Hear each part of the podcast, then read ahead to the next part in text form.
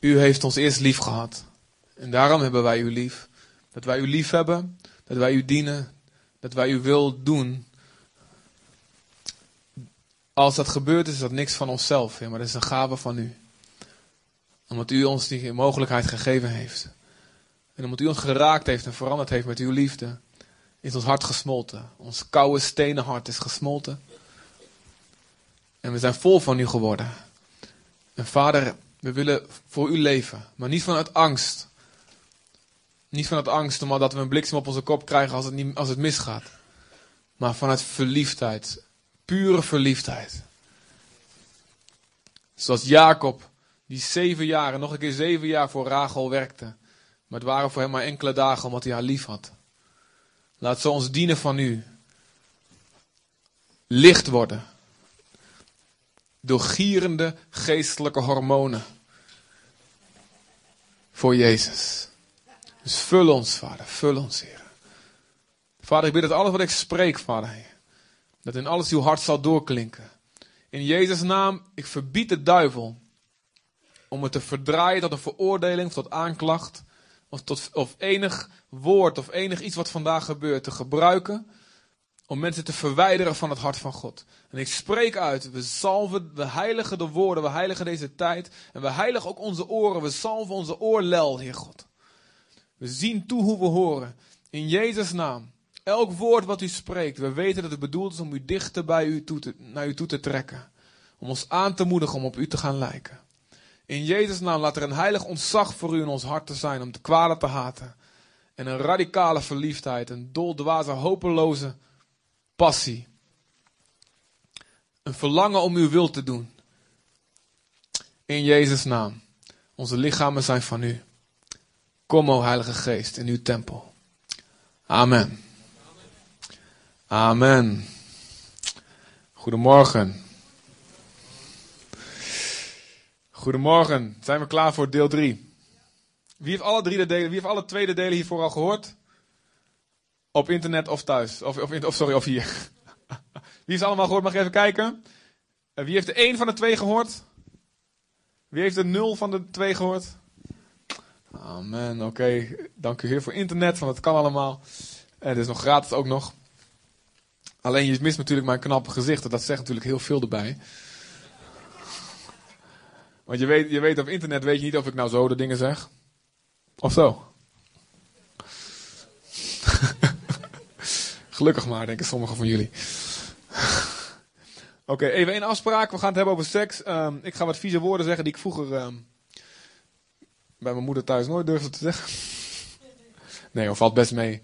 Um, maar de afspraak 1 is, we gaan erom lachen. Amen? Even oefenen. Ik zeg uh, gewoon, uh, ik zeg iets, ik zeg een woord en dan gaan jullie heel hard lachen. Gewoon om het even de spanning eraf te halen. Oké, seks! Oké, anders dan wordt het zo... Gods huis is een huis van blijdschap. Als mensen weten dat ze vergeven zijn, dat ze bevrijd zijn en dat waar ze nog niet oké zijn, waar de dingen nog niet in orde zijn, dat God er dan is om hen te helpen om wel die kant op te gaan, dan word je wel word je blij van. Als zo'n God voor je is en niet tegen je is. En als we weten, het is nu de tijd dat ik nog de boel kan veranderen, dan komt de tijd dat het niet meer kan. Dan komt de tijd van het oordeel. Maar het is de tijd van de genade van God waarin we de gelegenheid hebben om, op hem, om, om te gaan groeien, om ons te bekeren van dingen die niet goed zijn. En gewoon te zeggen, oké, dank u Heer. Ik weet dat er vergeving is bij u, daarom kom ik bij u.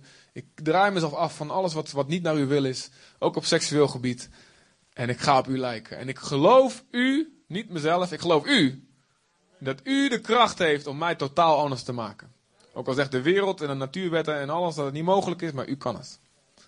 Amen, alright. Um, dus voor degenen die het niet weten, ik heb dus vragen laten stellen, die hebben mensen ingeleverd. En die vragen ben ik dus aan het beantwoorden. En ik denk dat ik ze allemaal, uh, bijna allemaal gedekt. Ik heb een paar heb ik niet kunnen doen, maar die waren zo specifiek. En als het te snel gaat, je kunt het dus of naluisteren, maar de bedoeling is, um, ik bid de Heer dat ik daar tijd voor vind.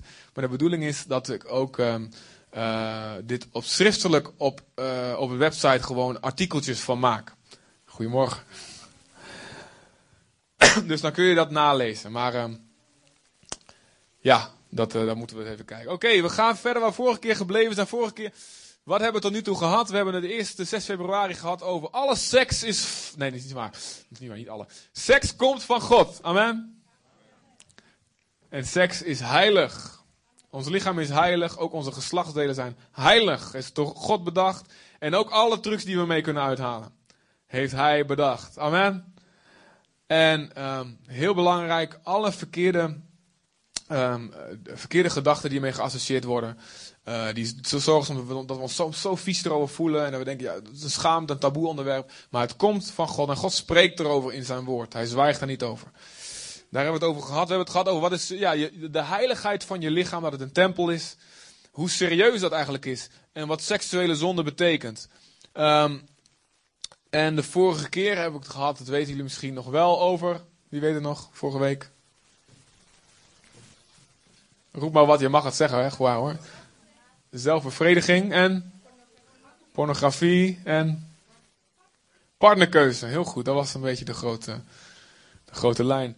Oké dan, nou, daar gaan we. Je kan nog steeds wegrennen als je dit niet gemakkelijk vindt. We kunnen ook de man en vrouw weer apart zetten als je dat ook fijner vindt. Nee. Hebben wat vlaggen, die kun je gebruiken als hoofddoekjes. Het gaat allemaal goed. Oké. De vraag die meerdere keren gesteld werd, um, die komt ook in beeld. En die gaat over. Waar staat in de Bijbel dat je pas seks mag hebben als je getrouwd bent? Je leest, je leest er wel, hij nam een vrouw en dat was het dan. Hoe zit dat? En dit is belangrijk. Um,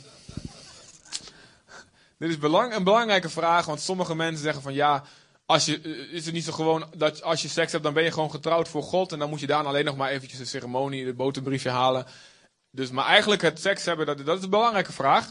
Hele goede vraag. Uh, maar luister eens eventjes. Um, ja, er, staat, ja, er, werd, er werden verschillende manieren gevraagd. En ik merkte uit de toon van de vragen een beetje. En ik weet, kan ik het niet heel 100% zeker zeggen. Maar ik, ik heb wel veel gesprekken gehad met zulke mensen door de, door de jaren heen. Um, er zijn veel mensen die op zoek zijn naar.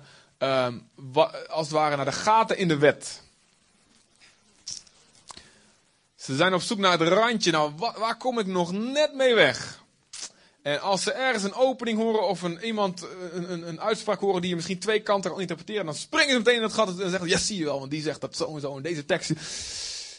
En ik zeg je, als je bijvoorbeeld, bijvoorbeeld als je zo bezig bent, vraag ik me heel serieus af of je een relatie hebt met God. Vraag ik me heel serieus af of je oprecht je bekeerd hebt en of je wel gered bent. Toen werd het stil in het mooie pittoreske Zutphen. En dat is heel belangrijk. Een, een opnieuw geboren hart. Een hart wat, wat de genade van God heeft beseft. En wat in heeft gezien hoe diep de zonde was. Waar, waar die in zat. En hoe groot de vergeving is die hij gekregen heeft. Doordat Jezus voor zijn zonde aan het kruis gestorven is. Iemand die die genade beseft. Zal zo graag verlangen om de wil van God te doen. Er staat dan de, de, de wet van God wordt op je hart geschreven. En Jezus, Jezus noemt het anders, maar het is mijn voedsel om de wil van God te doen. Dat is mijn, dat is mijn eten. Ik sla liever maaltijden over als ik de wil van God kan doen. Dat, dat, is mijn, dat, dat vult mijn buik. Daar krijg ik een heel lekker uitgebuikt gevoel van. Als ik de wil van God mag doen. En wanhoop niet als je denkt van nou volgens mij ben ik zo'n persoon die er gaat in de wet. De wanhoop niet. Je kan je bekeren. Je kan God zoeken. Je kan God gewoon vragen: Heer, oké, verander mijn hart. Geef mij een nieuw hart. Vul me met de Heilige Geest. Je kan het vragen. Je kan hem zoeken. Zoek hem tot het gebeurt. Hij geeft het. Hij luistert daarna. Hij wil niks liever dan dat. Maar wees wel eerlijk. um, maar goed.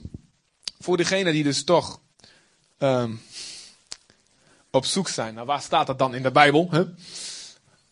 Um, het is inderdaad lastig om, een, om, om, alles, om in één zin, om in één tekst het samengevonden uh, het gevonden te hebben. Um, je mag pas seks als je getrouwd bent. En trouwen betekent zo'n ceremonie, dit en dat. Dat, dat is lastig. De Bijbel is geen boek van, geen woordenboek. Geen definitieboek waar alles precies op een rijtje staat op alfabetische volgorde zoals in het wetboek. Het is een liefdesverhaal. Wat je, wat je alleen in een relatie kan snappen. Je kan alleen in een relatie met God kan je de Bijbel snappen. En dat betekent dat je het eerlijk moet benaderen. En de Bijbel, jij leest niet alleen de Bijbel, de Bijbel leest ook jou. Je hart komt erin naar boven. Uh, dus je, als je, en als je boven alles God wil wil doen, God zal je het laten zien. Nou, wat ook gebeurt, dat sommige dingen zijn zo vanzelfsprekend in de Bijbel, dat je ze overal aan kan aflezen. Want, want er wordt eigenlijk aangenomen, iedereen snapt dit. En tegenwoordig is het zo, ja, de, moraal zo veranderd, dat dingen die toen vanzelfsprekend zijn, niet meer vanzelfsprekend zijn. Gelukkig kunnen we ze eruit halen, maar je hebt een paar Bijbelplaatsen nodig gecombineerd om dat te laten zien. En dan is het eigenlijk voor mij zo dat je wel heel erg graag iets anders wil zien als je het niet meer ziet. ik moet er heel snel doorheen gaan. Maar nogmaals, als je dus na wil lezen, ik probeer dus hier uh, een artikeltje over te schrijven. Ik zal ook teksten noemen. En uh, nou ja, schrijf het op voor jezelf. Dan kun je het thuis gewoon rustig nalezen. En uh, bovendien, het thuis nalezen van het woord, naar aanleiding van wat je gehoord hebt, zorgt altijd dat, dat dingen diep in je hart binnengaan. Dus dat raad ik voor elke dienst en voor elke preek die je luistert, elke Bijbelstudie aan. De Bijbel spreekt heel hoog over maagdelijkheid, ten eerste. In het Hebreeuws is het woord betuwla, heeft niks te maken met de betuwe, shem of zo. En dat betekent afgezonderd. Ah, ik, voel, nee, ik heb het volgens mij niet op het scherm. Dat betekent afgezonderd, um, iemand die zich afscheidt. Een maagd was iemand die afgezonderd was van seksuele omgang. En uh, ook in de zin van nou, iemand die nog woont in het huis van zijn of haar ouders. in het, Griekse woord is parthenos. En Um, nou, je kunt bijvoorbeeld in Openbaring 14, vers 4 kun je dat Griekse woord lezen. En er staat duidelijk, dat zijn dus mensen die geen omgang gehad hebben nog met een, uh, met een man of met een vrouw, die geen seksuele omgang hebben gehad. En de Bijbel spreekt daar hoog over. En eigenlijk overal waar gesproken wordt over een ongetrouwde man of vrouw, wordt automatisch het woord maagd gebruikt. Wat dus ook deze betekenis heeft van maagd zoals wij het kennen. Het wordt automatisch daar gebruikt. Oftewel, het daaruit eigenlijk alleen al kun je zeggen, nou, het is dit is de wil van God. Dat we als, dat we als maagd het huwelijk ingaan. Um, dus ze hadden een veelkleurig gewaad. Iedere, iedere, iedere meisje wat nog een maagd had, had nog een, een veelkleurig gewaad. En bijvoorbeeld, je kunt lezen in 2 Samuel 13, een heel tragisch verhaal, waar Tamar door haar eigen halfbroer verkracht werd. Allebei uh, kinderen van koning David. En zij scheurde daarna dat veelkleurige gewaad. Nadat hij dat gedaan had. Um, en God, eigenlijk God gaat daarvan uit en, en uh, dat dit gebeurt. Ik zal zo wat plaatsen uit de wet ook nog even noemen. Ik wil van tevoren zeggen, want ik weet dat er veel van ons zijn en dat er veel, uh, veel hier zitten die dat al niet meer zijn. Je bent al niet getrouwd, maar je bent ook geen maagd meer. En dan wil ik je heel duidelijk zeggen. Ja, God heeft een ideaal. Maar als dat ideaal gemist is, gemist wordt, God houdt daar rekening mee. En God heeft wegen om het ideaal weer te herstellen. En om het zelfs ten goede te keren. Om het zelfs wat de duivel heeft bedoeld tot je vernietiging. En waar je dus zelf ook aan meegewerkt hebt. Want je bent zelf daar verantwoordelijk voor geweest. In de meeste gevallen. Um, om dat te gebruiken tot, om het om te draaien tot een overwinning. En het is belangrijk dat je dat geloof hebt in God. Dus als je hoort over het ideaal van God, luister nooit met de oren van die de duivel wil dat je hebt. Oren van, zie je wel, God veroordeelt me. Ik kan niet, meer, kan niet meer goed komen. Het kan nooit meer perfect worden. Dus laat maar zitten. Nee, God heeft altijd een plan en schrikt niet van de fouten die je maakt. Het is niet de onvergeeflijke zonde. Amen. Dat is het lastige van de Heilige Geest. En dit is, dit is een zonde. En, en er zijn vele hoeren. En die waren absoluut geen maagd. Weer vele hoeren die heel graag bij Jezus waren. En Jezus wees ze niet af. Hij, hij zei heel duidelijk, het is niet oké, maar hij had ze lief. En ze, ze zagen allemaal de genade van, in zijn ogen. En dat veranderde hun hart. Dus dat is wat God wil. Als je naar Jezus kijkt, zie je het hart van God. Dus hoe Jezus met hoeren omgaat, is hoe God met hoeren omgaat. Nou, en de meeste van ons zijn zeker niet zo ver gegaan als de vrouwen in die tijd die rondom Jezus hingen. Dus laat de duivel je niet aanpraten. Er is niks meer voor jou mogelijk. Amen. God kan zelfs geloof ik je maagdelijkheid herstellen. Ik heb zelfs vele getuigenissen ken ik van, ook dat het lichamelijk zelfs gebeurt. Dus voordat ik verder ga. Maar goed, de Bijbel spreekt er wel over. En als ik het ga, wat, uh, wat teksten uit de wet ga noemen, is het belangrijk dat je weet de ceremoniële kant van de wet. Dus de offers en uh, de reinheidswetten, de rituele reinheidswetten. Um, en de, de, de, de, onreine en reine dieren. Deze dingen zijn allemaal vervallen. Hè? De dingen die betrekking hebben met tot de tempel. Ze zitten geestelijke principes achter, maar ze zijn vervuld in Jezus. Maar dan is er wel de morele kant van de wet. En die geldt nog steeds. Het is belangrijk, de Bijbel leert ook ons ook door het houden van die wet alleen kunnen we niet gered worden, want niemand kan die wet houden. Want je zou hem vlekkeloos moeten houden om jezelf te kunnen redden. En dat kan niemand. Dus we worden gered, we worden vergeven op grond van geloof in Jezus. Dat Hij voor ons die wet vervuld heeft. Maar daarna kunnen wij de Heilige Geest ontvangen. En er staat dat we door de Geest die morele wet, het hart van God eigenlijk dus, dat we in staat zijn om die te gaan vervullen met vallen en opstaan. We mogen het leren in relatie met Hem. Maar dat we in staat zijn om die wet te gaan vervullen. Romeinen 8 spreekt hierover. Nou, je ziet, je kunt dus een aantal dingen uit de wet halen, ook wat betreft tot seks voor het huwelijk. Um, in Deuteronomie 22, vers 21. Um, ehm, daar wordt gesproken dat een, een meisje die in die tijd geen maagd meer was, dat die zelfs de doodstraf moet krijgen als het bij de huwelijksnacht bleek dat ze geen maagd meer was. Nou, dat gold ook voor de man. Maar ja, dat was gewoon uh, moeilijk, dat is moeilijker te bewijzen. Um, in Exodus 22 staat, staat ook een, een tekst. Um, en daar staat, dat is een wet eigenlijk. Als een man seks heeft met een ongetrouwd meisje, dus die ook nog niet verloofd is met niemand, dan moet hij of met haar trouwen en dan mag hij nooit haar wegsturen. Of hij moet een boete betalen, een flinke boete ook. 50 shekels, 50 zilverling was een flinke boete omdat de vader anders de, geen, ja, de, de, vader die, dat meisje zal heel moeilijk um, nog kunnen trouwen. En die vader mist dan ook een bruidschat. Nou ja, er zijn allemaal um, wetten ook van die tijd. Maar dat laat allemaal zien. Um, en er staat, wordt gesproken over hoe die man dan met dat meisje moet omgaan. Ook als het vrijwillige seks geweest is. Dus het gaat niet per se over verkrachting. Maar er staat, een man vernedert een meisje door dat te doen, staat er. En ergens anders staat, het is schandelijk. Een schandelijke daad. Het is dus heel belangrijk. Seks hoort binnen het verbond. En God wil dat we dat verbond eren. We danken God dat de doodstraf en de straffen voor deze zonde gedragen zijn aan het kruis. Dus daarom, als we daarin geloven en onze handen op Hem leggen en onze zonde aan Hem overdragen, die veroordeling moet komen, ja, die moet komen. En die is gekomen. God heeft al, zijn, al, zijn, al het oordeel, al zijn boosheid om de dingen die wij gedaan hebben, op het kruis gelegd, op in Jezus lichaam gelegd. Maar we moeten de diepte van de zonde beseffen, voordat, we de diepte van, voordat de diepte van genade ons iets doet. En dat hebben we nodig om verliefd te zijn op Hem. We moeten zien zijn genade. De Bijbel zegt dus, het is. het is, ja, het is, het is ontzettend belangrijk. Het is niet een, geen bijzaak.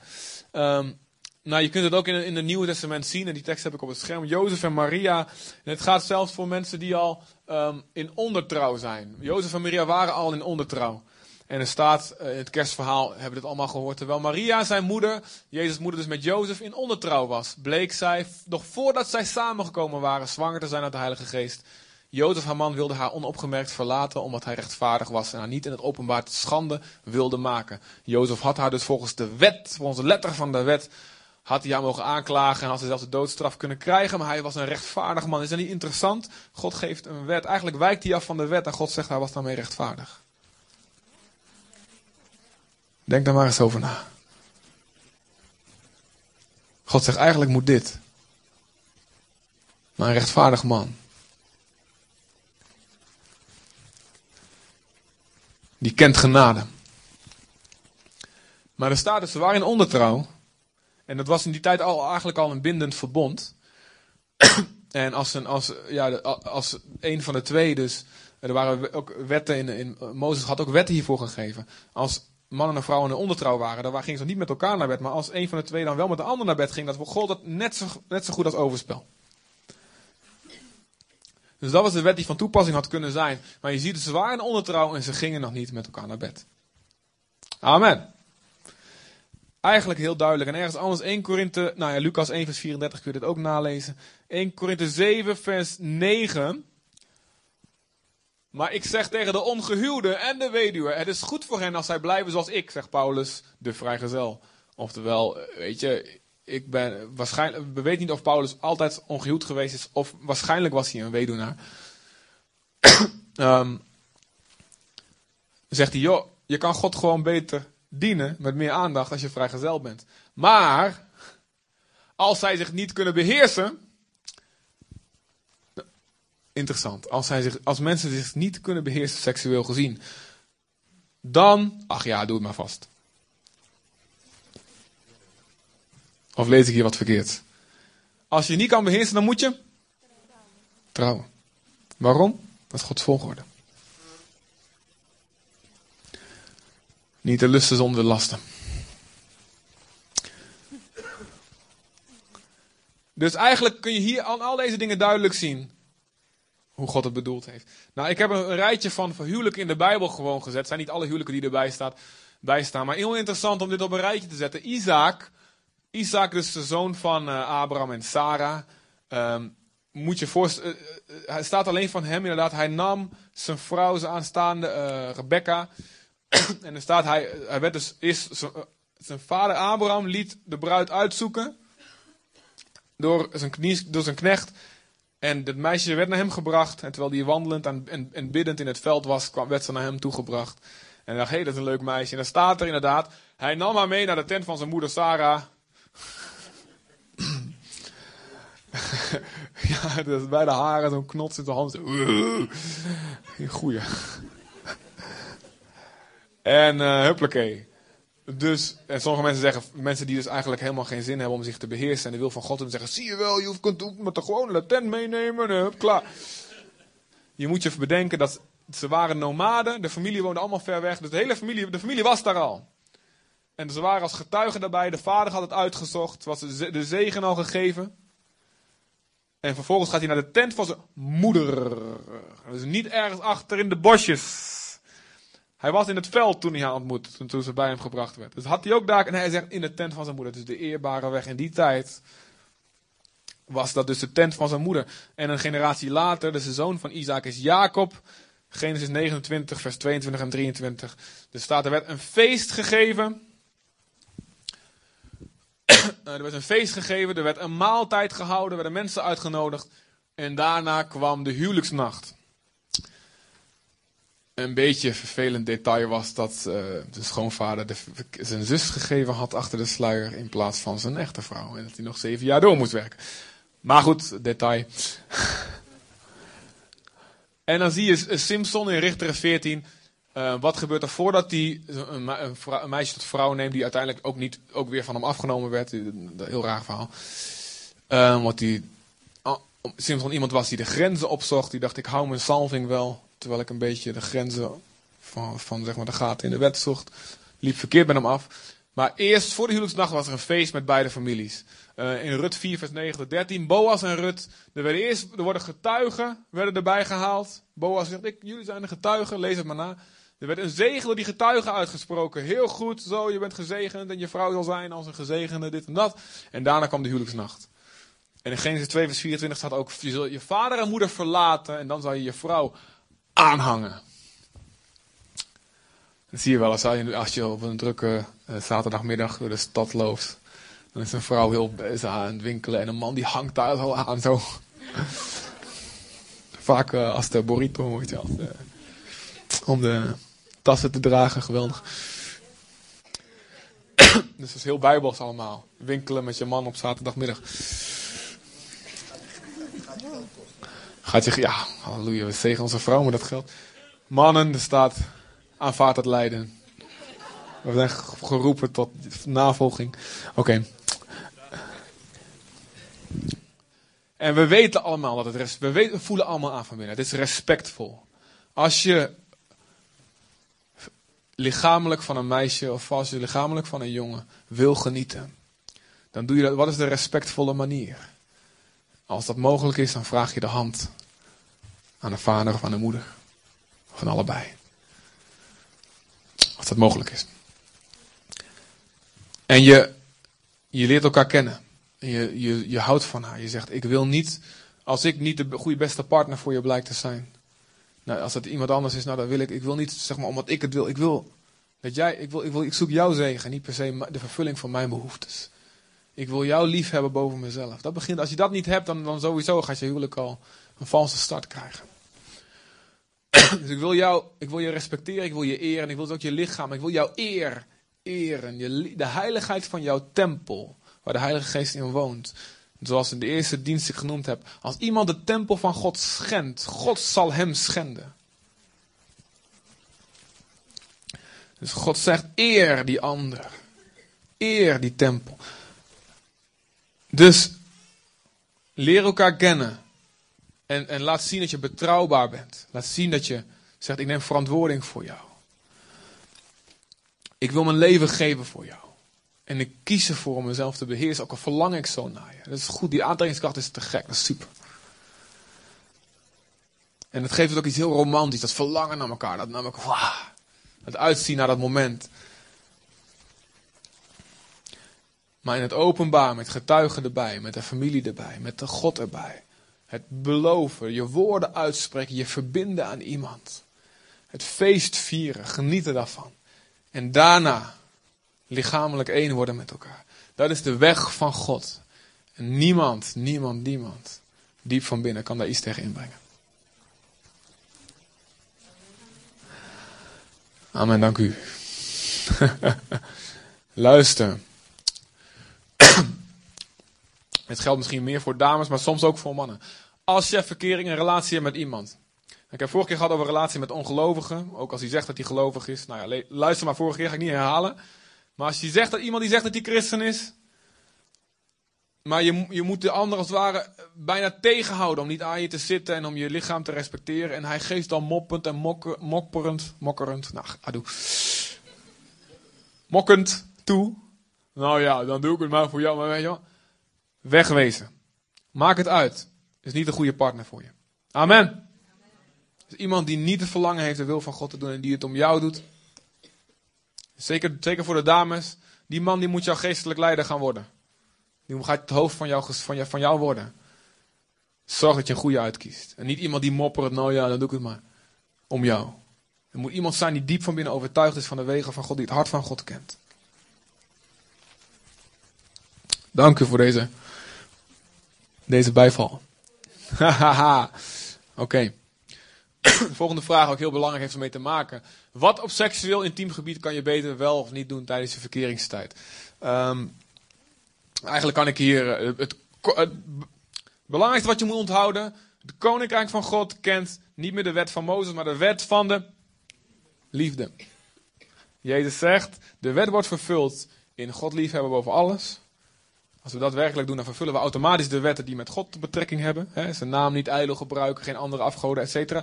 En als we onze naaste lief hebben als onszelf, vervullen we daarmee automatisch de wetten die met je naaste te maken hebben. Dat kun je eigenlijk doortrekken ook in je verkeringstijd. Als je een verkering hebt met elkaar, uh, met elkaar, ja, logisch.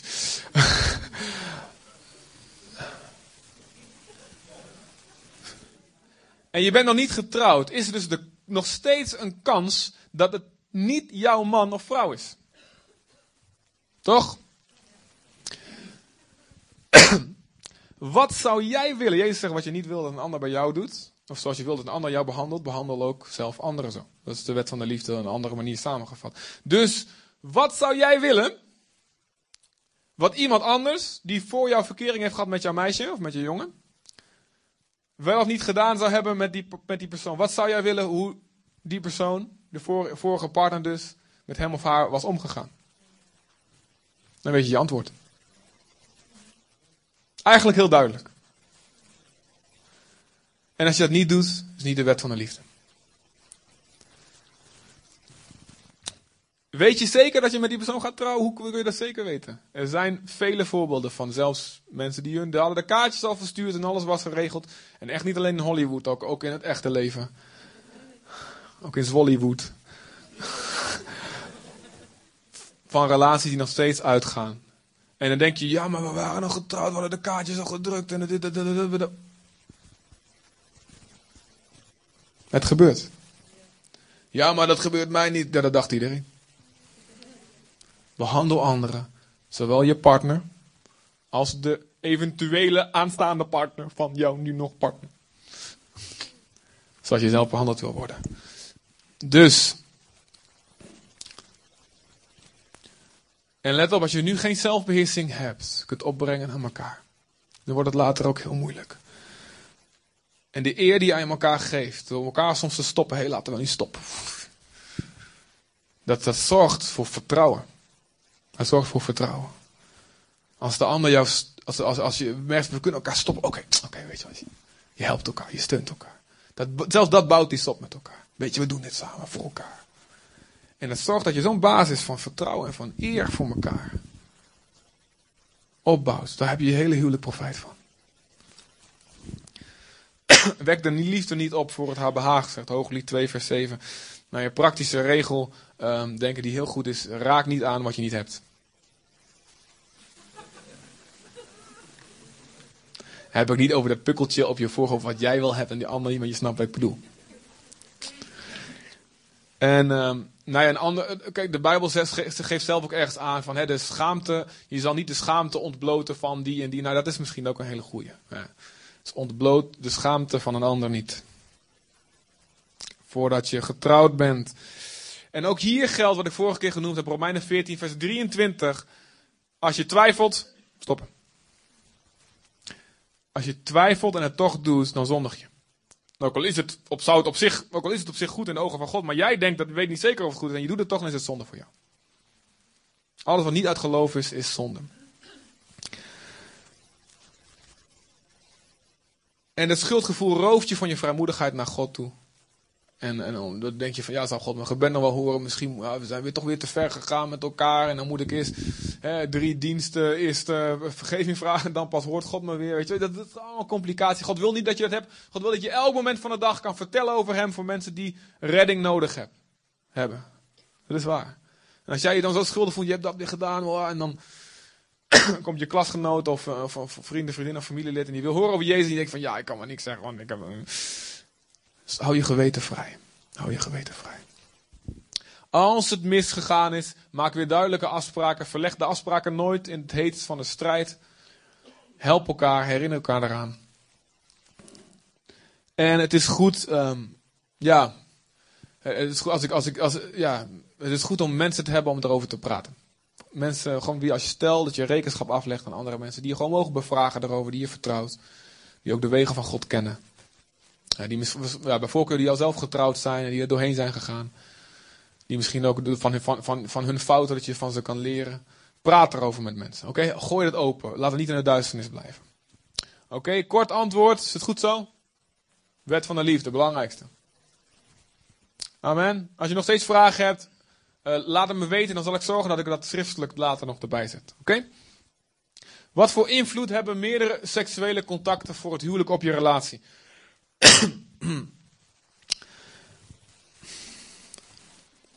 Ja, dat kan invloed hebben. Het, belangrijkste, het eerste belangrijke stap is dat je echt zeker moet weten dat God je vergeeft hiervoor. Dat God je schoon kan wassen als wij onze zonde beleiden. Hij is trouw en rechtvaardig ons te reinigen, ons te vergeven en ons te reinigen van alle ongerechtigheid. Maar daar moet je een oprechte bekering voor hebben. En ik heb die, uh, ja, die is niet in de goede volgorde. Ik heb later nog, nog la, heb ik nog een keer over. Oprechte bekering heeft eigenlijk vier stappen. En het is precies de omgekeerde weg van de zonde. De zonde gaat zo. Uh, Adam en Eva die kwamen in een verkeerde leefomgeving. Hè. Ze waren bij de slang, ze luisterden naar de slang. Als gevolg daarvan gingen ze in een leugen geloven, stap 2. Stap 3 is, daarna kwam de daad. En stap 4 is, ze schoven de verantwoordelijkheid af. Ja, het komt door de slang, het komt door de vrouw. Bekering is precies andersom. Dus eerst verantwoordelijkheid nemen, in plaats van afschuiven, verantwoordelijkheid nemen. Ja, niet de slang, niet de vrouw. Ik heb, het heeft wel meegespeeld, maar ik heb uiteindelijk zelf gekozen. Ik neem verantwoordelijkheid. Dan de daad beleiden. Tweede stap. En de derde stap is je denken vernieuwen. Dus die leugen die je bent gaan geloven, waardoor je bent gaan zondigen, niet God meer bent gaan vertrouwen, vervangen door de waarheid. En dan als vierde stap is je leefomgeving reinigen. Haal die slang uit je tuin. Hak je hand af, ruk je ogen uit, et cetera. oprechte bekering is dus oprechte berouw. Dat herken je eraan. Dan ben je niet bezig met wat, zijn de, oh, wat, zijn, wat is de pijn voor mij geweest. Ik ben ontdekt of ja, die ander wordt boos. Nee, niet de pijn voor mij. Maar wat heb ik de ander en wat heb ik God aan gedaan? Dat is oprecht berouw. Want het eerste is gewoon spijt. En het heeft een boef ook als hij gevangen is. Dan als hij, als hij, als hij, als het heeft een, Iemand die geflitst is ook. Niet omdat hij gevaarlijk gedaan heeft, maar gewoon omdat hij moet boete moet betalen. Dat is spijt. Dat is geen, dat is geen bijbels berouw. Bijbels berouw is, is, vooral bezorgd, wat heb ik de ander en God aangedaan. En als je dat hebt, mag je, je schuld is weggewassen door het bloed van Jezus. Je mag jezelf ook ervan overtuigen. In Johannes 3 staat, je moet je hart overtuigen dat je eerlijk bent. Dat je echt oprecht berouw hebt. En dat je vrij naar God hebt, dat je geweten schoon zijn. Maar dan kunnen nog altijd de herinneringen daar zijn. De herinneringen. En oh ja, sommigen noemen dat een onreine band. En een boek van Wilkin kan ik jullie aanraden. Bevrijd van banden. Um, en ook de zeven stappen naar bevrijding wordt hier ook veel over gesproken. Lees dat. Als je gewoon hierover twijfelt en dieper op in wil gaan. Um, die kunnen we ook via de gemeente. Als je weet, niet weet hoe je het krijgt, we kunnen je helpen aan die boeken te komen. Maar wat je kan doen is, je spreekt gewoon uit in Jezus' naam. Dat kun je gewoon voor jezelf doen. Misschien met je, als je getrouwd bent met je partner erbij. Of met iemand, of een goede vriend of vriendin erbij. Je spreekt uit in Jezus' naam. Ik neem afstand van deze en deze onreine relatie die ik gehad heb. Het is niet goed geweest. Ik spreek uit dat ik een afschuw heb van het kwaad. Ik walg hiervan. Ik dank u dat God heeft mij vergeven. En ik neem hier afstand van. En elke macht die binnengekomen is in mijn leven. Want dat kan zeker gebeuren namelijk. Want je één wordt met een ander kunnen, kan, kunnen er ook een demonische connectie ontstaan als die bij de ander aanwezig is.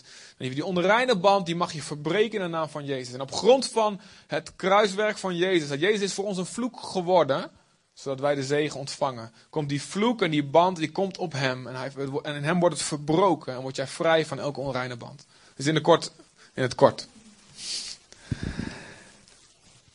En als je hierover twijfelt, uh, ja, zoek gewoon hulp. Het kan binnen de gemeente ook, of bij, via twaalfgroepleider of eventueel via het pastoraal bevrijdingsteam. Maar God wil dat je hier vrij van bent. Nou, die herinneringen, die kunnen soms, ja, die kunnen soms terug blijven komen. Maar als, je, als jij weet, God heeft mij vergeven. Dan kun je weten ook, ik ben hier vrij van. Maar dan heb je natuurlijk ook nog de, je partner, die je nu al hebt, of je aanstaande partner. en daarom is het belangrijk als je een relatie begint, vertel elkaar je seksuele verleden. Wees open. Sowieso over alles. Het is goed om open te zijn, hè? hè over je financiën en over uh, weet ik veel wat. Uh, alles wat er gebeurd is. Vertel. Vertel elkaar. Wees open. Maar ook over je vorige seksuele relatie, je fouten. En um, ja, de ander die moet dan beslissen, kan ik dit aan? Als het heel heftig is. En een, een, gevolg inderdaad van vorige seksuele relatie is misschien, stel dat je een partner hebt die dat niet aan kan. Dan is dat, ja, dan zul je daar doorheen moeten worstelen met elkaar. En voor de partners, als je, als je mens, ja, als je jouw partner, jouw aanstaande of huidige, een heftig seksueel verleden heeft. Um, ja. Als je vergeeft, vergeef. Echt. En als jij kiest, zeg maar, ja oké, ik weet nu van dit verleden en ik kies ervoor jou te vergeven. Hou dan de rest van je leven je mond daarover. Zoals God dat in het diepste van de zee gooit, zo moeten wij vergeven. Nooit, zelfs in de, in de heftigste ruzie, nooit meer komen met dat verwijt. Amen. Goed, dat, dat zijn, ja. Heel in het kort, deze vraag. Oké. Uh, wachten, één tekst overslaan. Um, de volgende. wachten tot het huwelijk. Maar wat nou als het seksueel, helemaal, seksueel helemaal niet klikt? Je komt erachter in de huwelijksnacht dat jouw Rachel toch een Lea blijkt te zijn in bed. Ik spreek niet uit ervaring, halleluja. Oké, okay. knip dit maar uit.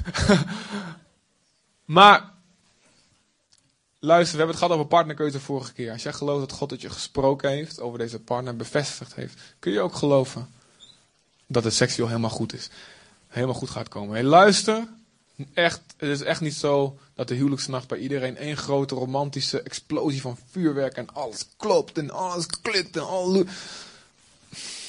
Vraag aan de meeste partners, bij, bij ons was hij toevallig wel heel geweldig, maar vraag, er zijn heel veel mensen die die zeggen van ja, we, hebben gewoon, we zijn gewoon in slaap gevallen. En uh, ach ja, het, ging helemaal mis en we durfden het niet. En ja, later in de week is het goed. Uiteindelijk zijn we maar begonnen. Helemaal niet erg. Weet je wat het mooie is van het huwelijk? Het hangt niet van één keer af of je bij elkaar blijft of niet. Je kunt oefenen met elkaar. En weet je, iedereen sucks in het begin. Hoe zeg je dat? Iedereen is slecht in het begin. Maar eh, ja, oké, okay, hou mond. Maar Jullie kijken allemaal zo naar me, daar ga ik gekke dingen van zeggen. Iedereen behalve. Nee. Maar dat is nog normaal. Het is normaal. Je moet gewoon oefenen. Je, en dat is, je, kunt gewoon, je kunt er gewoon om lachen. Ja, is het weer mislukt? Ah, oké, morgen beter. Of, vanmiddag, vanmiddag beter. Of volgende week beter. Gewoon groeien en, en oefenen. En juist die veiligheid zorgt ervoor dat je goed wordt. Amen. Ik stop je mee. Luister, oké. Okay. Ehm, voordat ik verder ga met uh, seks binnen het huwelijk. Um, wat, er zijn een aantal interessante vragen daarover. Um, even het algemeen. Als je dan eenmaal getrouwd bent. Wat dan? Nou ja, ga ervoor, zou ik zeggen, in het algemeen. Maar oké, wat, wat, uh, ik herinner je nog heel even aan wat dingen. Het komt van God. Oké? Als je nog steeds associatie hebt, seks is vies. En als je gaat trouwen, ga God leren kennen. Ga met elkaar daarover praten. En kom los van die besmetting van je geweten. Dat elk seksueel contact verkeerd is. En luister, als je verleden hebt met misbruik. Of je, waardoor je moeilijk hebt, misschien aanraking moeilijk vindt. Weet je, gun elkaar de tijd daarvoor. Gun elkaar de tijd daarvoor. Je hebt, eh, daar komt zelfbeheersing komt misschien ook weer om de hoek kijken. Als je partner daar moeite mee heeft. Laat het huwelijk een genezende omgeving zijn. leg geen druk op de ander. Om het op jouw tijd, op jouw manier te doen. Weet je nog? Je bent gestorven aan jezelf. Weet je nog? Je bent gestorven met Christus. Weet je nog? Je hebt eigenlijk gezegd: God, ik ben bereid om vrijgezel te zijn. De rest van mijn leven als ik daar u beter kan dienen. Toch? Hebben we vorige week over gehad. Dus wees dan ook bereid om die ander de tijd te geven als die seksueel genezing nodig heeft, lichamelijk met aanraking. Wees een genezende omgeving. Ga niet druk op de ketel leggen. Nou, lukt toch wel een keertje. Dien. Je bent geroepen om te dienen, om je leven te geven voor de ander. Wees gericht op de ander. God zorgt voor jou. Oké? God is genoeg voor jou. Wees jij er maar voor de ander. Geldt voor allebei.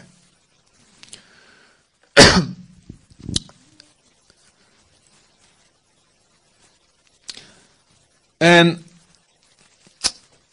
in het algemeen, ook binnen het huwelijk kan de ene zich nog, een partner zich nog gebruikt voelen door een ander. Als jij, maar als, als je werkelijk die liefde laat zien en zegt het, en werkelijk niet alleen met je mond, maar met je hele leven laat zien. Het gaat me om jou en niet om mij. Zal de ander ook van nature, misschien na een tijdje pas, maar uiteindelijk zal het van nature als verlangen komen. Ik wil me lichamelijk ook aan jou helemaal geven zoals jij dat wil. Als je, als je de ander uh, lief hebt, dan zal het vanzelf komen. En ik zeg dit met name tegen de mannen. Maar ja, in sommige gevallen is het juist, zou het misschien andersom zijn. Dat de vrouw juist een groter seksueel verlangen heeft. Het huwelijk is bedoeld als een genezende omgeving. Laat je seksualiteit daartoe een, een middel ook zijn. Dienstbaar zijn. Aan die genezende omgeving. In 1 Petrus 3, die heb ik wel erop staan volgens mij. Is dat hem? Ja. Mannen, woon met begrip met haar samen. Oh, Oké, dit is een nieuwe vertaling. Heb ik hem niet gecheckt. Ja, het is weer een tekst over samenwonen natuurlijk. Dat is natuurlijk weer die herziene statenvertaling. Maar in ieder geval, leef verstandig met je vrouwen, staat, staat er. Geef de vrouw als de zwakkere, haar, geef de vrouw als de zwakkere vat, geef haar eer. U bent immers ook mede-erfgenaam van de genade van het eeuwige leven. Opdat uw gebeden niet verhinderd worden. Leef verstandig, geef je vrouw eer. En, en vrouw ook, geef je man eer. Er is, een, er is een geestelijke blokkade voor jouw gebed als je dat niet doet. Zoals je geen offer moet brengen voordat je je verzoend hebt met je naaste, wat Jezus zegt. Zo eigenlijk hetzelfde verhaal. Zorg voor een eenheid binnen je huwelijk. Na 1 Korinther 7 vers 2 tot 5. Let op. Ik ga, hier, ik ga dit even uitleggen, want dit, dit, hier kun je ook gauw mee aan de haal gaan, wat hier staat. 1 Korinther 7, 7 vanaf vers 3. Laat de man aan zijn vrouw de verschuldigde bereidwilligheid betonen. En evenzo ook de vrouw aan haar man. De vrouw heeft niet de beschikking over haar eigen lichaam, maar de man. En evenzo heeft ook de man niet de beschikking over zijn eigen lichaam, maar de vrouw. Onttrek u niet aan elkaar, behalve dan met onderling goedvinden voor een bepaalde tijd om u te wijden aan vasten en bidden. Oftewel, vasten en bidden hoort gewoon bij een levensstijl van een christen. Even tussendoor, ander onderwerp. Kom daarna weer bij elkaar, opdat de Satan u niet zal verzoeken, omdat u zich niet kunt onthouden of beheersen. Algemeen principe, dus je lichaam is niet van jezelf, maar je hebt jezelf gegeven. Net zoals je bij je doop je gegeven hebt aan de Heer. Heb je bij je verbond, bij je huwelijk je gegeven aan je man, aan je vrouw. Dus dan gaat het niet om jou, maar om de ander. Maar let op, dit mag je niet gebruiken naar de ander toe, deze tekst. Uh, ik ben jouw vrouw en uh, jij bent mijn man. En jij moet jezelf, je staat in de Bijbel, die man, jij, hebt niet de beschikking over je lichaam, maar ik. Dus kom maar hier. Maar, uh, of andersom. Nee, kijk, jij moet, jij moet jouw deel doen. En de ander, of de ander zijn of haar deel doen, dat is, dat zijn of haar zaak. Wat krijg je anders? Manipulatie en druk en bijbelteksten, bam, bam, bam, bam, waardoor iemand... De Bijbel zegt, God heeft een blijmoedige gever lief. En ons geven moet niet een afgeperste gift zijn. Seksueel gezien precies hetzelfde. Amen. Halleluja. Zeg ik hier allemaal bevrijdende dingen hier tegen of niet? Dus focus op jouw ding. Op jouw verantwoordelijkheid. En die ander? Daar staan die ander. Hey, ik zeg niet dat je er nooit over mag praten. Als je dat kan doen zonder dat het een beschuldigende, manipulatieve, vervelende sfeer wordt. Praat met elkaar. Hey, ik zeg hier omdat er veel problemen uh, uh, kunnen voorkomen. Maar dat betekent niet dat elk stel, misschien gaat het hartstikke goed, weet je wel. Ik wil dus de ongetrouwde mensen niet de schrik aanjagen. Oh, krijg je allemaal problemen. Nee, maar dit, dit kan wel gebeuren. En het is een algemeen principe. Dus je lichaam is. Stel je ten dienste van de ander. Gebruik seks dan ook nooit als wapen, staat hier, weet je wel. Het is ook niet goed om te zeggen, nou, we zijn man en vrouw, we zijn zo heilig, we gaan nooit met elkaar naar bed, weet je wel. Of, die, zeg ook niet als vrouw, oh, mijn man kan dat wel hebben, weet je wel. En, uh, let op hem of op haar. En um, vrouwen, uh, mannen, als wij dus willen dat de ander, dat hij geen geheimen voor ons heeft, let op, die ander is daar zelf verantwoordelijk voor. Dat is belangrijk. Maar, onthoud wel, dat jij de enige legale uitlaatklep bent voor zijn, zijn of haar seksuele verlangens. Dus neem daar ook je verantwoordelijkheid in. We willen dat die ander heilig en rein leeft, dat we die kunnen vertrouwen. En het klopt. En er is geen enkel excuus voor ontrouw of, of pornografie of wat dan ook. Maar maak het ook niet moeilijk. Dat is eigenlijk wat Paulus hier zegt. Met oog op de vele gevallen. Ja, het is moeilijk. Het liefst heb ik dat iedereen zich 100% kan beheersen. Maar omdat het gewoon in de praktijk heel moeilijk blijkt te zijn. Jongens, trouw als je niet kan beheersen. En binnen het huwelijk ook dan niet celibatair gaan leven. En daarom zegt Paulus ook in 1 Timotheus, het, het, mensen die het huwelijk verbieden, dat is een lering van boze geesten, staat er zelfs. En uh, je merkt dat ook in wat er in de Rooms-Katholieke kerk gebeurt. Ik bedoel, ik hou van de Rooms-Katholieken. Er zijn geweldige, ja, ja, er zitten geweldige broeders en zusters tussen. Maar dit is, de Bijbel zegt, het is een lering van boze geesten om het huwelijk te verbieden. Omdat het dan Goed. Amen. Um, ja, klopt. Anders dan kun je ook niet vermenigvuldigen als oh, sterven de christen uit. En een ander principe. Is dit duidelijk zo? Ja. Spreuken 5, vers 18 tot 19. Mogen je levensbron gezegend zijn en verblijd je over de vrouw van je jeugd. Schuine streep dus man van je jeugd. Hè? Een zeer lieflijke hinde. Een bevallig steengeitje. Draai allemaal naar je man en vrouw toe en zeg maar een bevallig steengeitje. Knip er een paar keer met je ogen. Bevallig steengeitje. Ja, heel goed, goed. Doe maar even. Gehoorzaam je voorgangers. Kom op. Mijn bevallig steengeitje. Een niet bevallen steengeitje.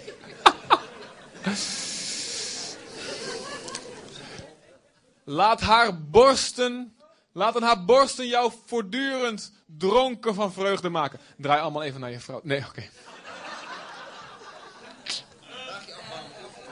Grapje.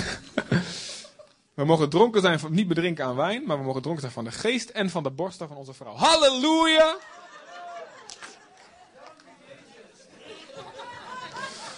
Glorie. Dol voortdurend rond in haar liefde. Goed, geen commentaar. Maar wat hier staat, luister. Verheug je over de vrouw van je jeugd. Wees vreugdedronken over haar borsten. Een opdracht betekent automatisch dat het mogelijk is om ervoor te kiezen. Dat je dus geen slachtoffer bent van wat je wel of niet voelt. Maar dat je dus de rest van je leven kan kiezen om dat te blijven doen. En dat je er dus ook er verantwoordelijk voor bent. En dat je dus niet kan zeggen, ja, ik ben gewoon niet meer aangetrokken na 50 jaar of na 20 jaar of na weet ik veel. Je bent verantwoordelijk of je kiest, om je, om je, kiest of, je, om je, of je dronken blijft van de borsten van je vrouw of van je man. Uh, als je man borsten heeft, ja goed, kan ook heel mooi zijn. ik, ik praat mezelf in het nest met deze preken.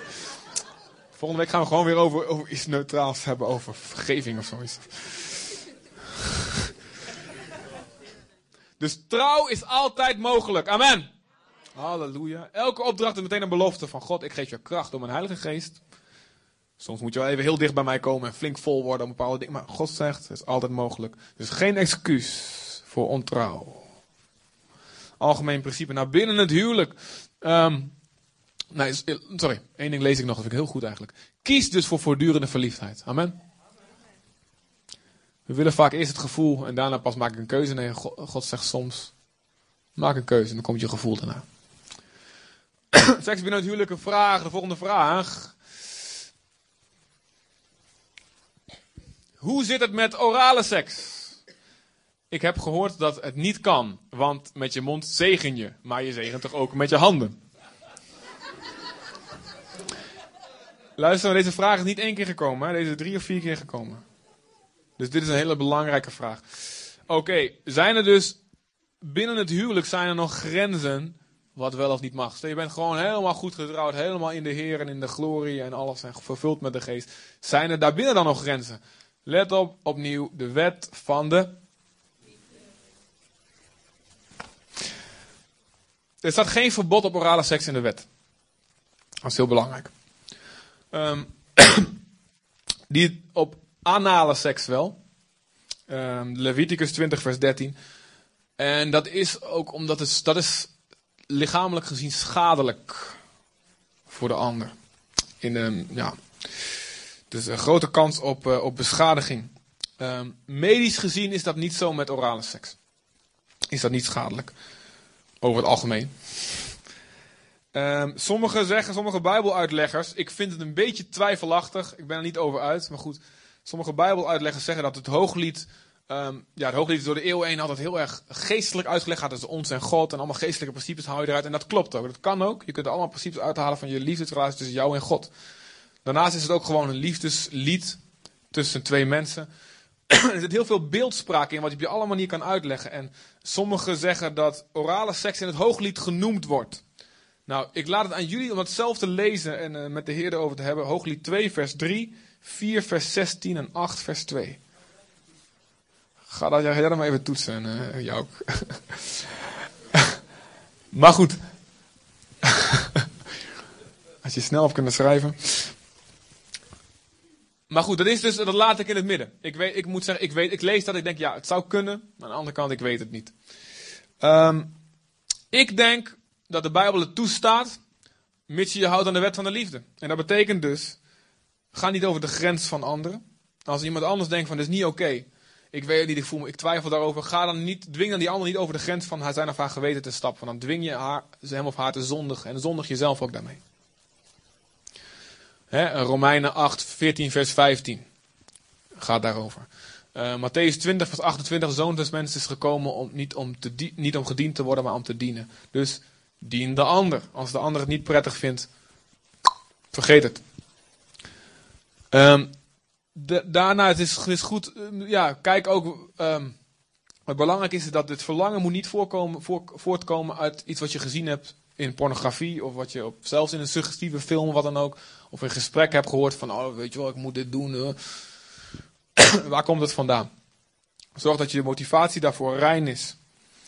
En ook hier, hiervoor weer. Hè, uh, zorg dus dat er gewoon dat er geen druk of wat dan ook aan zit. Als dat allemaal rein en zuiver kan gebeuren en, en je hebt de ander daarmee lief, dan denk ik dat de Bijbel daar geen verbod op, uh, op brengt. Maar ja, op geeft. En, eh, want ik, ja, ik denk uh, inderdaad, als dat, als dat in binnen die grenzen gebeurt, dan is, dat, dan, is het, dan is seksualiteit heilig.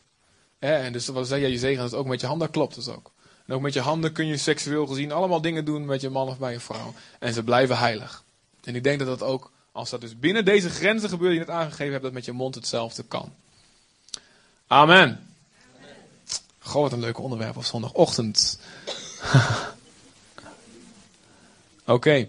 Ehm, volgende vraag. Hoe kan een vrouw zich blijven geven als haar man seksverslaafd is via de computer? Oké. Het kwam ook in meerdere vragen terug. Hoe moet je daarmee omgaan als er bij de ene partner. Uh, we hebben vorige keer het over gehad als je er zelf daaraan verslaafd bent, wat je dan moet doen. En waarom het volgens mij een ernstige zonde is, pornografie. Um, maar hoe moet je dat doen als als het gevallen, als, je, als jouw partner diegene is um, die daaraan vastzit? Nou, dat hangt heel erg vanaf. Heeft die, heeft die partner berouw? Wil hij er oprecht vanaf komen? Of volhardt hij erin? Denkt hij, of praat hij, het, hij of zij het goed? Um, ik zeg hij of zij, want het kan dus degelijk ook andersom zijn. Dat het dus de vrouw is die verslaafd daaraan is en de man niet. Alhoewel in de praktijk gewoon vaker de man blijkt te zijn. Um, hoe moet je daarmee omgaan? Dus heeft die persoon berouw? Oprecht berouw. Um, nou ja, dat is meer dan alleen woorden. Ja, ik heb spijt. Er staat in de Bijbel dat, het, de, dat we moeten kijken naar niet alleen naar de woorden, maar ook naar de vruchten van bekering. Vruchten die in overeenstemming zijn met, met een bekeerd hart. En dat betekent dat zo'n persoon dan bereid zal zijn alles te doen wat nodig is om er vanaf te komen. Als die persoon niet bereid is alles te doen er vanaf te komen, is die nog, heeft hij nog niet oprecht berouw. Dus dat betekent dat die persoon bereid zal zijn om begeleiding te krijgen, in therapie te gaan, het in de openbaarheid te brengen. En om uh, zijn internetabonnement op te zeggen, om de computer beneden te zetten of het wachtwoord te geven alleen aan jou als partner of wat dan ook, wat maar nodig is. Wat maar nodig is. Elke bron van verleiding. Let nogmaals, dus die, stappen van bekering, die, ik heb ze nou in beeld. Volgens mij zijn dat 1, 2, 3, 4. volgende. Oh, wacht even. Nee, vorige. Ja. Nee.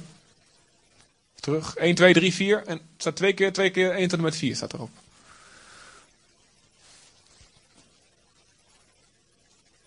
Ja. Dus die stappen die net, net genoemd, ik heb het net al genoemd. Hè? Dus die, die oprechte bekering, dat kun je dus zien in de partner als die persoon dus verantwoordelijkheid neemt. Zegt, die dus niet zegt van ja, het komt omdat jij me niet genoeg seks geeft. Dat is dus niet, als iemand dat zo nog steeds zegt, nog geen oprecht berouw. En inderdaad ook beleid, als hij zijn denken wil gaan vernieuwen en dat genezing komt, hè, er kunnen heel veel wonden geslagen zijn. Het kan uit misbruik voortkomen, al die, hè, dat daar dingen verkeerd zijn. En God snapt dat, maar iemand moet bereid zijn die weg van genezing te willen gaan. En ook als vierde zijn leefomgeving dus reinigen. Dus Jezus zegt, ruk je oog uit als je tot zonde verleidt, hak je hand af. Oftewel, laat niks te radicaal zijn om van die zonde af te komen. Dat is het kenmerk, dat zijn de vruchten van bekering. En die zul je dus moeten gaan kijken of die aanwezig zijn. Als er geen wil is om te bekeren en zegt nee, ik, doe, ik ga er gewoon lekker mee door, dan, heb je een, echt, dan is het een heel serieus probleem.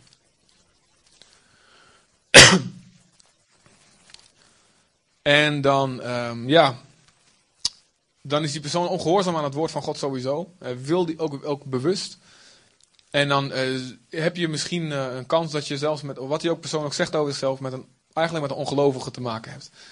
En um, dan zou ik het zeker bespreken met iemand die, um, ja, die misschien een twaalfopleider of iemand die geestelijk verantwoordelijk over je is, of iemand van de leiding van de gemeente.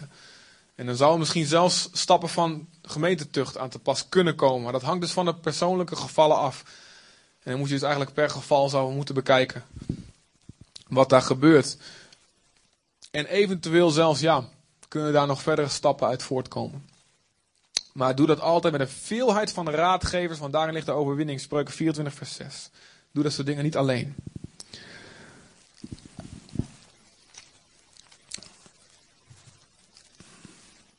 Maar altijd, altijd zoek, zoek naar verzoening, zoek naar herstel. Zoek of daar, als er werkelijk berouw is. Zelfs als er fysiek overspel gepleegd is. Ja, de Bijbel zegt, in, als er, als sprake is van overspel, dan, dan, is er dan ben je vrij om te, niet alleen te scheiden, maar ook opnieuw te trouwen. De onschuldige partij. Maar gebruik dat niet als een excuus. Ga kijken naar het hart van God. Zeg, Heer, wilt u nog Er zijn natuurlijk veel meer, zelfs zeker als er kinderen zijn, veel meer dingen op het spel. Ga zoeken. Ga de Heer zoeken. Heer, wat wilt u dat ik, wat ik hier doe? En ga kijken of daar herstel mogelijk is. Laat het huwelijk een genezende omgeving zijn. Zelfs als het gigantisch misgegaan is.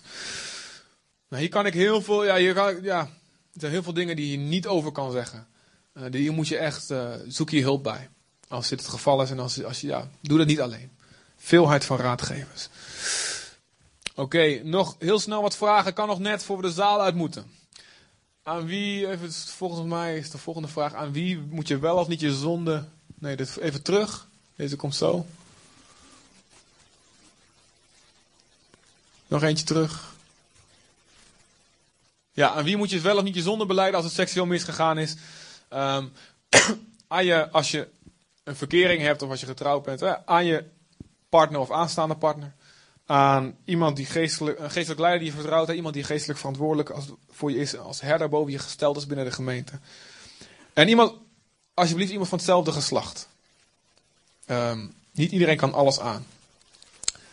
Of, um, ja, dat is, dat is over het algemeen het meest wijze om te doen. Niet iedereen kan alles aan. En zelfs als je dingen beleidt, ja, als je als vrouw seksuele zonde aan een man beleidt, ja, er kunnen van allerlei dingen, zelfs dat die persoon zo geestelijk volwassen is of lijkt, weet je wel.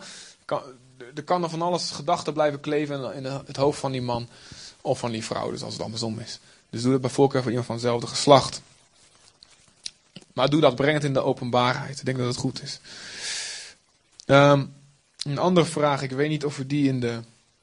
Die heb ik niet erop staan.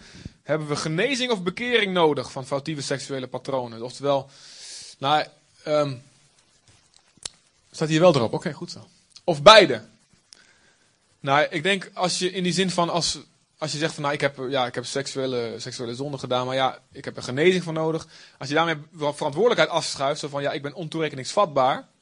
Ja, ik, heb, ik heb gewoon een ziekte, kan ik niks aan doen, dan is, het, dan is het niet waar. Dat is niet waar.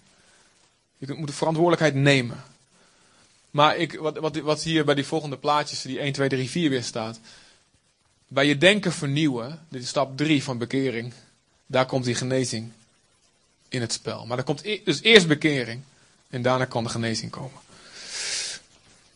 Heel snel antwoord. Het belangrijke is ook dat je anderen vergeeft. Als er seksuele zonden zijn gedaan. Je moet verantwoordelijkheid nemen voor jouw deel. Maar ook de anderen vergeven die over jouw grenzen zijn gegaan.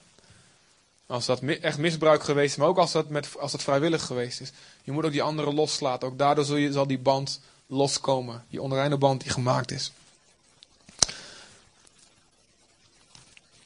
Of als iemand misbruik gemaakt heeft, hè, je was in, of in een opwelling of van je zwakheid. Hè, of een jongen die zegt van nou weet je wel, ik blijf alleen bij je als je dit of dat doet bij mij. Hè, of als je dronken was of wat dan ook. Vergeef die ander. Laat God dat betekent dus niet dat het onder tapijt geveegd wordt, maar dat betekent God zal het oordeel uitspreken en niet, ik, niet langer ik. En daardoor worden we vrij om zelf ook genade te ontvangen. Nou, de laatste vraag heb je al gezien. Hoe denkt God, hoe denkt de Bijbel over abortus na verkrachting? Dat is een heel erg moeilijke zaak. En die kan ik, ja, eigenlijk jammer dat ik, dat ik daar een paar zinnen aan kan besteden, omdat het gewoon heel gevoelig is. En, en uh, God heel goed en wij allemaal heel goed beseffen dat het een hele, hele heftige zaak is. En iets wat ontzettend diep gaat. Dus nogmaals, ik doe geen rechter aan om er heel kort erover te hebben. Maar de Bijbel zegt wel. En Exodus 21, eh, vers 22 en 23. Dat een ongeboren kind een volwaardig leven is voor God. Als daar, dat is een wet. Um, dat als een zwangere vrouw in een gevecht gewond raakt. En ze verliest daardoor haar kind. Dat staat, dat daar moet een leven om een leven gegeven worden. Oog voor oog, tand om tand. Oftewel, het is een volwaardig leven. En het is, het, is, het is iemand die geliefd is door God. We geloven dat wij zelf voor onze geboorte al geliefd zijn door de Heer. Uh, in de moederschoot al gevormd worden door hen, dat zingen we hè, en dat geloven we. Dat betekent dat die ander dat ook is. En hoe erg dat ook is, hoe dat ontstaan is. Het is een leven. En we moeten daarin denken aan dat ongeboren leven. En dat leven zo behandelen zoals wij zelf behandeld hadden willen worden. Hadden wij geaborteerd willen worden. Luister, en er zijn geweldige voorbeelden van mensen die eigenlijk geaborteerd hadden moeten. Of dat er sprake was van abortus en het niet gebeurd is. En die, die zo geweldig gebruikt zijn door God. Ik denk bijvoorbeeld naar Israel Houghton.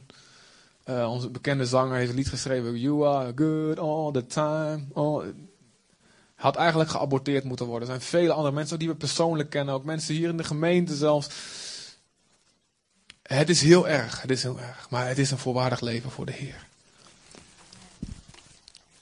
En je bent dan een slachtoffer inderdaad. Inderdaad, je leven lang ben je een slachtoffer. Als je, je zorgt voor dat, voor dat kind, je moet aan herinneren, je hebt die pijn. God, maar God zorgt, heeft een hele speciale plek in zijn hart voor hen die onderdrukt zijn. Voor de weduwe, voor de wezen, maar ook voor hen die onderdrukt zijn. God zal voor je vechten. En God zal jou zo enorm zegenen. Ook door dat, zelfs door dat kind heen. en laten we ook een steun zijn voor anderen daarin. Oké. Nou, ik heb nog heel veel te zeggen. Ik wou nog wat zeggen over. Uh, ja, flirten en een beetje, beetje verleiderig gedrag en dat soort dingen. Nou ja, ontvlucht de hoererij.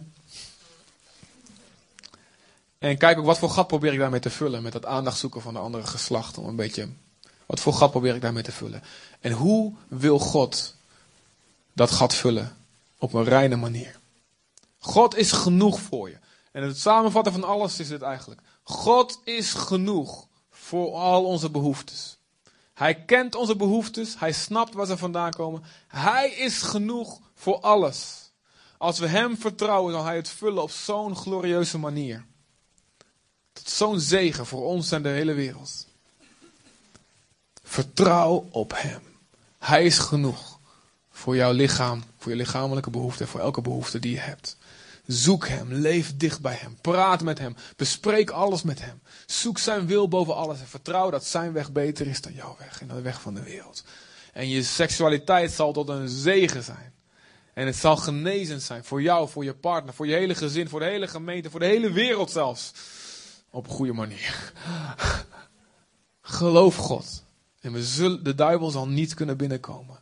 Niet in onze levens, niet in onze gemeente. Hij zal ons proberen aan te vallen, maar we zullen via zeven wegen zal hij van ons moeten vluchten. We zullen een kop zijn en geen staart. We zullen gezegend zijn in ons huis, in het veld, in ons werk. En alles wat we doen zal gezegend worden. Alles wat we ondernemen zal lukken. In de wereld zal Jezus gaan zien en er zal een opwekking uitbreken. Als wij seksueel rein gaan leven. Gaan jagen naar de heiliging. Geloof, God gaat zijn aanwezigheid brengen. Zo krachtig. En we, zullen, al deze zalen van de bioscoop zullen niet genoeg zijn om om, om de stoelen te vullen van mensen die God gaan zoeken. Amen.